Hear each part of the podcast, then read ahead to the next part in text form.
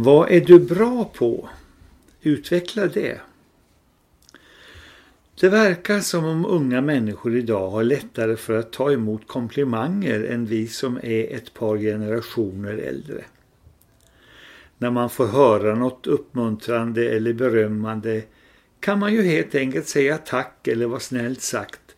Och så tycker jag oftast unga människor tar emot berömmande kommentarer. Vi i min generation brukar slå ifrån oss och protestera och tala om hur dåliga vi är. Fast vi kanske själva egentligen innerst inne också tyckte att det där var bra. Och hur möter vi i olika åldrar frågan Vad är du bra på? Många människor börjar nervöst skruva på sig vid den frågan och tiga generat. Det verkar vara lättare att, till och med inför publik, räkna upp saker man är dålig på. Varje människa är bra på något eller kanske till och med på flera saker. De egenskaperna brukar vi göra mindre betydelsefulla än de är. För vi skulle ju så gärna vilja kunna det där andra. Jag har lätt för att hitta ord till saker och ting jag vill säga eller skriva och jag har begåvning i områden som rör sång och musik. Däremot är jag inte praktisk eller teknisk utan hör kanske mest till dem som har tummen mitt i handen. Ja, jag har lärt mig en del praktiska och tekniska saker genom att träna på dem och i alla fall bli bättre. Men det är inte så naturligt för mig. Och då blir det naturligt så att vi ser lite ner på det vi själva kan och är. Och lite onödigt mycket längtar efter det vi inte kan och har. En tjej som började i en barnkör hos mig för länge sedan kunde inte sjunga alls när hon kom.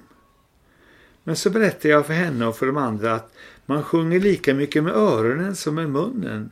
Alltså lyssnar på både andra och sig själv. Efter några år sjöng hon lite solopartier i kören.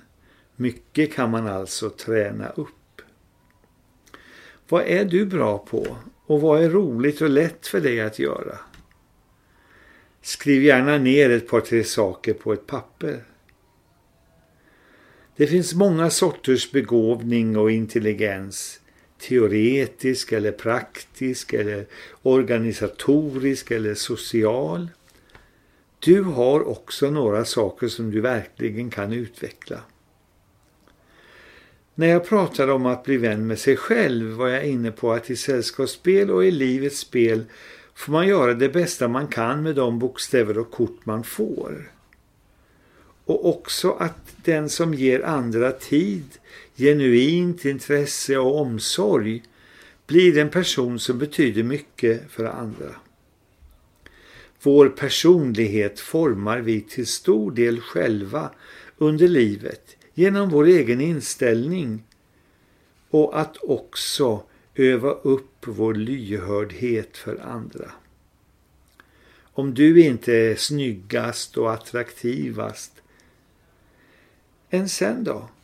Leende ögon och mun och varma blickar och vänliga ord gör dig alldeles tillräckligt attraktiv och intressant att vara tillsammans med.